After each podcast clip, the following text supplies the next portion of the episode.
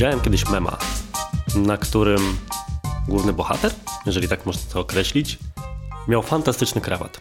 Na tym krawacie był napis: Przetrwałem kolejne spotkanie, które powinno być mailem.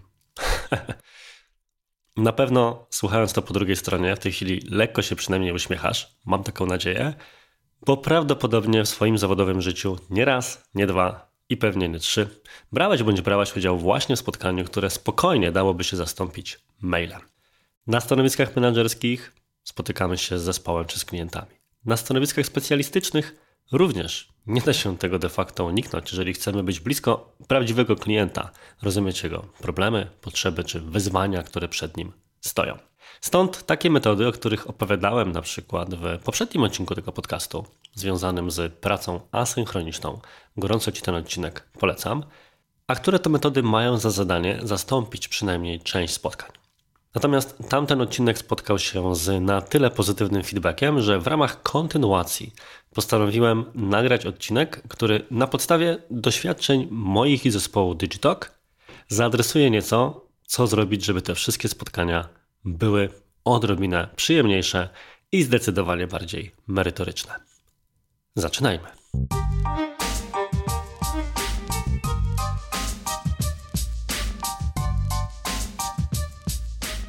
Jak zapewne wiesz, moja firma pracuje w całkowicie zdalnie. W sensie od zawsze byliśmy firmą zdalną, już przeszło 4 lata, nadal nią jesteśmy i zamierzamy nią być.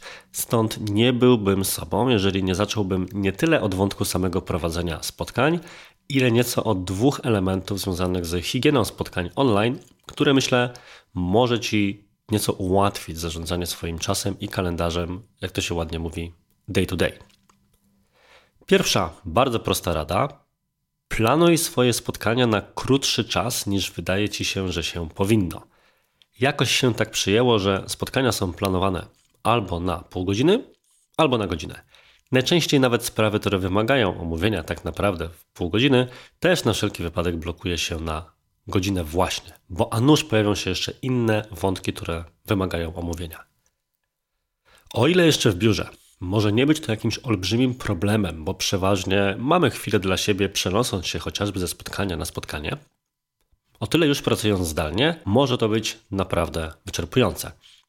Sam na przykład mam takie poniedziałki i częściowo wtorki, w których siadając do komputera mniej więcej w okolicach 8 rano, wstaję, biorąc pod uwagę jeszcze inne poboczne projekty, w które jestem zaangażowany, gdzieś w okolicach 19. I większość tego dnia wypełniają mi spotkania, też jak się znów ładnie po angielsku mówi back to back, czyli jedno za drugim. Nauczyłem się więc, że żeby mieć przynajmniej chwilę dla siebie, na chociażby jakieś podstawowe czynności fizjologiczne czy cokolwiek innego, należy te spotkania planować inaczej. Sugeruję Ci więc, żeby spotkania półgodzinne planować docelowo na 25 minut, a spotkania godzinne na 50. Da Ci to po prostu chwilę dla siebie między tymi spotkaniami na być może jakieś ćwiczenia, rozciąganie, przejście się, oderwanie wzroku od komputera, cokolwiek innego. Zamiast więc przeskakiwać z kola na kol, możesz to zrobić w ten sposób. Jednocześnie zaś Twój rozmówca czy rozmówczyni też będzie w tym momencie wiedział, że macie mniej czasu, więc trzeba się sprężać. Kto wie, może kiedyś uda Ci się nawet zejść ze spotkaniami do 20 minut, czego Ci spokojnie życzę. Przeważnie jest tak, że zgodnie z prawem, nie pamiętam kogo dużo się mówi o tych autorach słynnych praw, zadanie zajmie tyle czasu, ile jest na nie przeznaczone. Spróbujmy więc to zhakować, przeznaczając na nie po prostu mniej czasu. Druga, bardzo ważna sprawa związana z higieną spotkań online to wysłanie linku do spotkania przed czasem tak żeby później nie dostawać kilku, kilkunastu komunikatów od wszystkich, którzy mają być na tym spotkaniu obecni, z informacją, gdzie jest link. I to jeszcze w różnych interwałach, bo ktoś spyta się o to rano, a ktoś spyta się o to na przykład tuż przed samym spotkaniem. Da się to załatwić niemalże automatycznie, w końcu w kalendarzu Google'a, kiedy tworzy się spotkanie, to na przykład link do Google Meet generuje się sam z siebie. Aczkolwiek tutaj, jeżeli słucha tego mój zespół, to muszę się od razu bić w pierś, bo nie zawsze to działa. Na przykład ja w naszej firmie jestem pod tym kątem bardzo memiczny, bo spotkania, które ja organizuję, nigdy nie mają linka. Wynika to z faktu, że na przykład ja korzystam z kalendarza w aplikacji Spark i w sytuacji, w którym tworzę spotkanie tam, to z jakiegoś powodu link do Google Meeta się nie tworzy. I pewnie mógłbym znaleźć sposób na zaradzenie tej sytuacji, ale że jest to już wewnętrzny firmowy dowcip, to nawet tego nie robię. Wszyscy się przyzwyczaili, że Artura należy spytać o link. Natomiast tak absolutnie poważnie, jeżeli chodzi o kluczowe spotkania, to takie linki oczywiście mam i tutaj moją poradą dla Ciebie, z której korzystamy również jako zespół, jest to, żeby korzystać po prostu z do regularnych spotkań ciągle z jednego i tego samego linka. I przypiąć go sobie w kilku kanałach komunikacji, tak żeby, zależnie od tego, w jaki sposób jest komuś wygodniej, dana osoba była w stanie do niego dotrzeć. Przykładowo, u nas taki link podpięty jest. Po pierwsze, oczywiście w kalendarzu, jako link do stałego cyklicznego spotkania, ale też na przykład na Slacku. I ty również możesz go tam podpiąć. Podpinamy taki link, jeżeli kanał dotyczy spotkań cyklicznych, czy na przykład konkretnego zespołu projektowego, po prostu w opisie danego kanału na Slacku, jak również przypinamy sobie po prostu linki. Jest na Slacku taka opcja przypięcie konkretnego fragmentu konwersacji. Wystarczy więc raz opublikować jakiegoś linka i można tę wiadomość przypiąć w kanałach jeden na jeden. Jeżeli więc wiem, że potrzebuję szybko dostać się do linka do spotkania z Agatą, Mają, Michałem czy Ewą, to po prostu wchodzę w tę konwersację jeden na jeden, jeżeli nie chce mi się przebijać przez swój kalendarz i od razu ten link znajduję. Ja osobiście nawet wchodzę ostatnio na wyższy poziom, jeżeli chodzi o zarządzanie tego rodzaju dokumentami czy własnymi kluczowymi linkami. I rzeczą, którą Ci absolutnie polecam, jest przygotowanie sobie folderu w przeglądarce. W ramach zakładek. Stworzyłem sobie grupę zakładek, oczywiście Digitalk, i w ramach niej, poza jakimiś kluczowymi dokumentami w firmie, mam zakładkę spotkania i tam bardzo szybko, również z rozwijanego menu, mogę sobie wtedy po prostu znaleźć właściwy link. Jest to kilka sposobów na to samo, ale być może dzięki temu znajdziesz taki, który będzie dla Ciebie najwygodniejszy. Przechodząc zaś już bezpośrednio do tego, w jaki sposób prowadzić spotkania, aby były bardziej efektywne, to zacznijmy od rady, który pojawia się najczęściej w każdym poradniku na ten temat, ale mimo tego, że jest prosta, to wcale nie jest łatwa, więc tym bardziej warto o niej często mówić, czyli ustal, kto naprawdę musi być na spotkaniu. Wiemy jak jest. Im większa liczba uczestników spotkania, tym trudniej jest cokolwiek uzgodnić, ustalić, dojść do konsensusu, tym trudniej chociażby wysłuchać głosu wszystkich osób. A jakoś tak jest, że na początku jakieś spotkania zespołów projektowych zaczynają się od kilku osób, powiedzmy trzech czy czterech, po czym zaczynamy się zastanawiać, czy hmm, nie przydałoby się jeszcze, żeby na tym spotkaniu była obecna ta, ta i ta osoba. I nagle robi nam się spotkanie 8-10 osobowe. Bywają oczywiście tematy, które są tak rozległe, że dotykają każdej osoby z danej grupy, bo reprezentuje ona jakiś dział czy projekty, które korzystają z tych samych zasobów. Czasami więc nie da się tego obejść. Ale warto się zastanowić, czy tak faktycznie jest, czy nie robimy tego raczej z przyzwyczajenia, albo braku namysłu nad tym, że należałoby coś zmienić. My sami popełnialiśmy ten błąd jako Digitalk. W jednym z podcastów dotyczących organizacji naszej agencji jakiś czas temu mówiłem, że jedną taką grupą projektową, tak to nazwijmy, zespołem, z którym pracuję najbliżej, jest tak zwany gabinet cieni. Na początku były to po prostu osoby zarządzające zespołem. Czasem zaczęli się tam pojawiać e, pracownicy, zwierzchnicy najważniejszych działów marketingu, sprzedaży itd. Tak A w miarę jak zespół się rozrastał, to osób w poszczególnych komórkach było więcej i stało się trochę zwyczajem nawet, że po jakimś czasie każda z tych osób, im bardziej zaangażowana jest w projekty wewnętrzne w firmie, tym mocniej zacznie pracować także z gabinetem cieni, aż w końcu stanie się członkiem takiego gabinetu, jak sobie to nazywamy. I tak obudziliśmy się na spotkaniu, które właśnie miało 8-10 osób. Kosztowało wówczas krocie, bo przeliczmy sobie wtedy roboczo godzinę każdej z tych osób, jej koszt razy nie 4, a na przykład właśnie 10, a coraz trudniej było cokolwiek ustalić.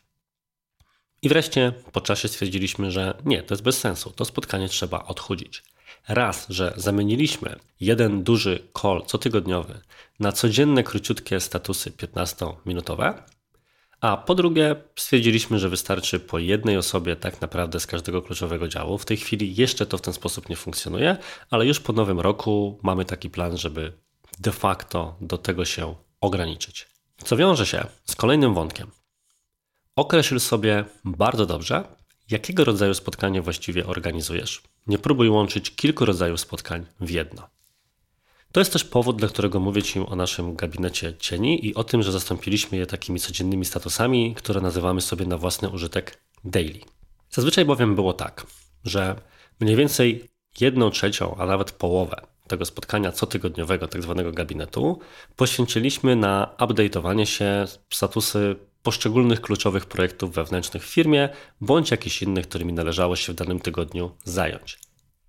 Jednocześnie zaś na każdym takim spotkaniu w teorii chcieliśmy popchnąć firmę do przodu, debatując nad jakąś kluczową z punktu widzenia rozwoju kwestią, na którą albo nie starczyło już siły, czasami nawet czasu, kiedy statusów było dużo, albo nazwijmy to odpowiedniego mindsetu, bo jeżeli spędziłeś ostatnie 20 minut w trybie sprawozdawczym, raczej nastawiając się na ewentualne drobne komentarze, po czym ktoś nagle prosi cię, żebyś już w tym momencie przestawił się na myślenie o danym problemie, to nie było to łatwe.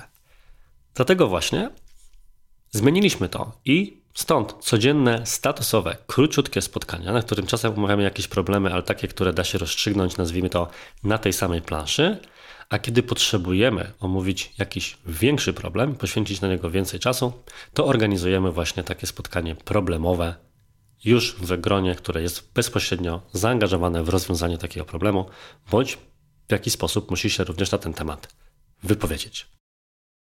To wszystko prowadzi nas do kolejnego wątku, a mianowicie agendy spotkania. Ostatnimi czasy jestem coraz bardziej surowy, jeżeli chodzi o pojawianie się na jakichkolwiek spotkaniach i zawsze, absolutnie zawsze wymagam, że przed spotkaniem chcę poznać agendę tego spotkania. Bo jeżeli spotkanie nie ma agendy, to o czym ono tak naprawdę będzie. I omówię, w jaki sposób my zarządzamy czymś takim, agendą spotkań, na podstawie właśnie tych naszych spotkań cyklicznych albo wręcz spotkań codziennych. Mamy to zorganizowane w ten sposób, że powstał osobny projekt w Asanie. Do tego ja mam swój własny projekt zarządczy, w którym zbieram sobie po prostu subtaski z tamtych projektów, czyli są one jednocześnie podpięte pod kilka projektów. I w tych taskach mamy podzielone spotkania na dwa rodzaje. Jednym z nich są spotkania jeden na jeden, a drugie to spotkania zespołowe. Do poszczególnych tasków każdy ma dostęp. Mamy więc task w na spotkanie, na przykład Sales and Marketing, albo sam dział Sales czy sam Marketing, albo osobny task na spotkanie jeden na jeden, dajmy na to ja i Chief Operating Officer u nas, czyli Agata Banaszkiewicz. W każdym z takich tasków mamy subtaski na poszczególne miesiące. To jest przydatne z tego tytułu, że jak szybko zauważysz, prowadząc tego typu statusy i informacje, tych subtasków bardzo szybko przybywa. Nie chciałbyś więc scrollować kilku ekranów poszczególnych dni dla każdego taska. Mamy więc na przykład subtask październik i dopiero tam, w subtasku do subtaska, niestety trochę incepcja, znajdują się pojedyncze taski dla konkretnych dni albo dla konkretnych dat spotkań, jeżeli mówimy o spotkaniach problemowych. I właśnie w takim tasku wszystkie osoby, które będą brały udział w danym spotkaniu, albo mają jakiś problem, który chcą zaraportować, albo o nim omówić, wrzucają punkty na agendę. Kiedy zaś zakończymy takie spotkanie, jeżeli pewne rzeczy wymagają dodatkowych komentarzy, to albo zostawiamy komentarze do poszczególnych punktów agendy, albo komentujemy cały task z jakimś dłuższym podsumowaniem. Dzięki temu jestem w stanie prześledzić praktycznie historię każdego pojedynczego spotkania, które prowadziliśmy w firmie. Dzięki temu mogę szybko sprawdzić, co właściwie zostało ustalone i kiedy. Ponieważ Prawdopodobnie, jeżeli pracujesz na systemach do zarządzania projektami online, takich jak na przykład Asana i bierzesz jednocześnie udział w wielu projektach, to bardzo często łapiesz się na tym, że mimo całego skomplikowania Asany, bez odpowiedniej konfiguracji, ciężko jest śledzić progres w czasie, czyli tak naprawdę sprawdzać, kiedy coś się zaczęło, z jakich elementów się to składało, a takie wracanie do punktów poszczególnych agent, gdzie będziesz mieć podsumowanie, co i kiedy zostało ustalone, na pewno Ci w tym pomoże. Nieprzypadkowo powiedziałem o agendzie i tego typu strukturze tasków w obrębie Asany na tym etapie, ponieważ kolejnym punktem, takim dobrą praktyką w kontekście spotkań jest upewnienie się, czy są jakieś materiały, linki czy inne rzeczy, z którymi należałoby się przed spotkaniem zapoznać. Wówczas bowiem taki task agendy konkretnego spotkania jest idealnym miejscem, żeby się czymś takim podzielić. I warto pilnować oraz wymagać, żeby osoby, które mają się na danym spotkaniu pojawić, z danymi rzeczami się zapoznały. Inną praktyką, z którą się spotkałem, nie miałem jej okazji jeszcze przetestować, ale bardzo mnie kusi, więc chętnie Ci na razie tylko ją zarekomenduję na zasadzie imponuje mi to podejście, to taktyka, metoda, którą wyczytałem w książce Working Backwards o Amazonie, gdzie pracownicy organizujący spotkanie przygotowywali nie tyle prezentację, ile dwu, trzystronicowy dokument, dokument w Wordzie, gdzie opisują, tak jakby prowadzili narrację, czy pisali niemalże informację prasową, problem, z którym się mierzą, a samo spotkanie zaczyna się od tego, że wszyscy w skupieniu i ciszy czytają sobie takie podsumowania. Z mojej perspektywy brzmi to fantastycznie, bo wiem, że częstokroć największym problemem stojącym na drodze, żeby w zasadzie przeprowadzić udane spotkanie, jest to, że ktoś nie zdążył zapoznać się właśnie z dokumentami. Jeżeli zaś będziemy wiedzieli na przykład, że pierwsze 10 minut 50-minutowego spotkania jest właśnie na zapoznanie się albo odświeżenie sobie, bo w ten sposób też można byłoby tego użyć, kluczowego dokumentu, wokół którego spotkanie jest zbudowane, to myślę, że może to pomóc prowadzić efektywniejsze spotkania i sam nie mogę się doczekać, aż w końcu sam tę technikę również przetestuję. Kolejnym elementem jest umiejętne kończenie spotkań. Czyli biorąc pod uwagę, że na pewno podczas takiego spotkania ustalić ze swoim zespołem projektowym czy jakąś inną grupą osób, z którą się spotykasz, najważniejsze zadania, to czas po pierwsze upewnić się, że wszyscy dobrze wszystko zrozumieli, a po drugie upewnić się, że wiedzą co i na kiedy muszą zrobić. I tu pojawia się chyba jedno z ulubionych narzędzi każdego zarządzającego, czyli parafraza. Prośba o porozmawianie z kimś, żeby własnymi słowami powiedział, co tak naprawdę ma do zrobienia, żeby się upewnić, że jesteśmy na tej samej stronie. I kurczę, ja wiem, że to bardzo często brzmi sztucznie moi współpracownicy, kiedy widzą, bo to się da łatwo zauważyć, że proszę ich de facto o parafrazę i to jest taka konwencja rozmowy, też lekko uśmiechają się pod nosem, po czym okazuje się, że właśnie parafrazujemy nawzajem, co autor miał na myśli i dzięki temu znajdujemy jakieś luki albo rzeczy, które wymagają uzupełnienia, typu nie, nie, nie, nie, słuchaj, nie chodziło mi o to w ten sposób, chodziło mi o to w ten sposób. Na marginesie w kontekście efektywnych rozmów, polecam Ci książkę Crucial Conversations.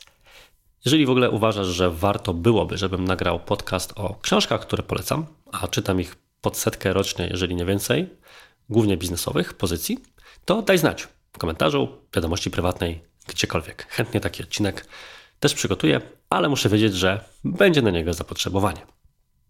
Wracając do głównego wątku.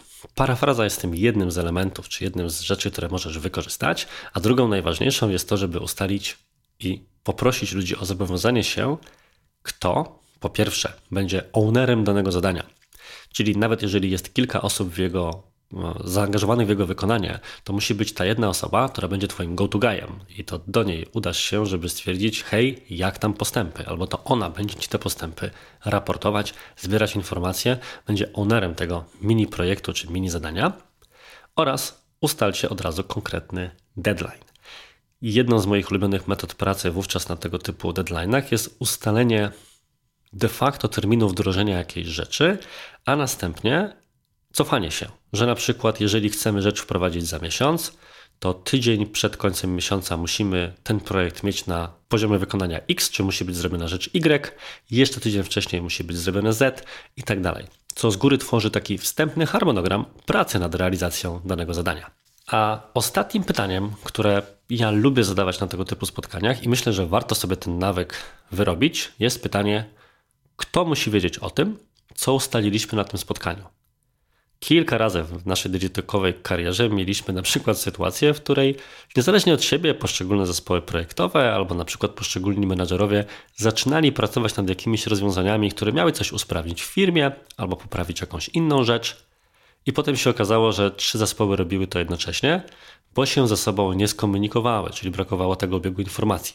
Jeżeli więc ustalimy sobie jakieś zadania do wykonania, a standardową praktyką będzie to, żeby dowiedzieć się, kto ma zostać o tym poinformowany, no i sprawić, żeby został doinformowany, to takich problemów unikniemy albo wykryjemy je tak szybko, jak tylko zdążą wyniknąć. Co wiąże się z ostatnim punktem, kto zrobi notatki.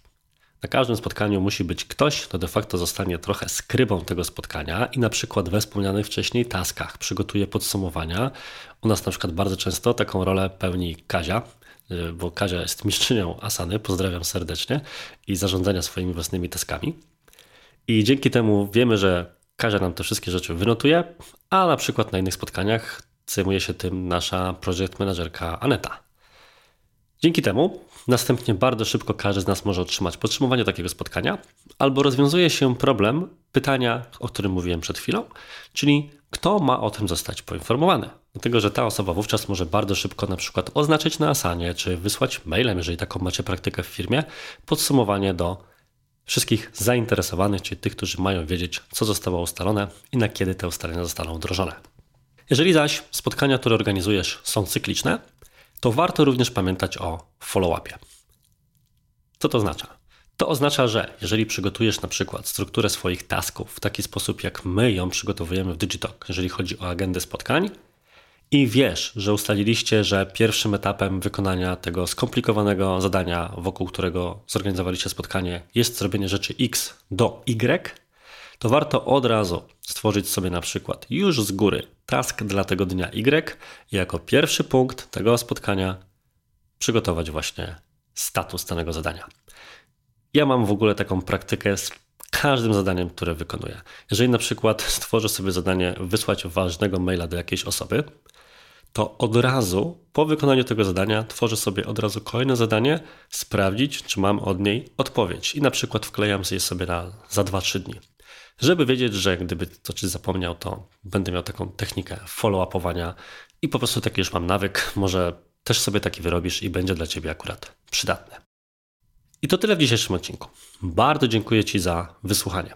Mam nadzieję, że dzięki temu zebrania Twojego zespołu marketingowego, sprzedażowego, menedżerskiego czy jakiegokolwiek innego będą jeszcze lepsze.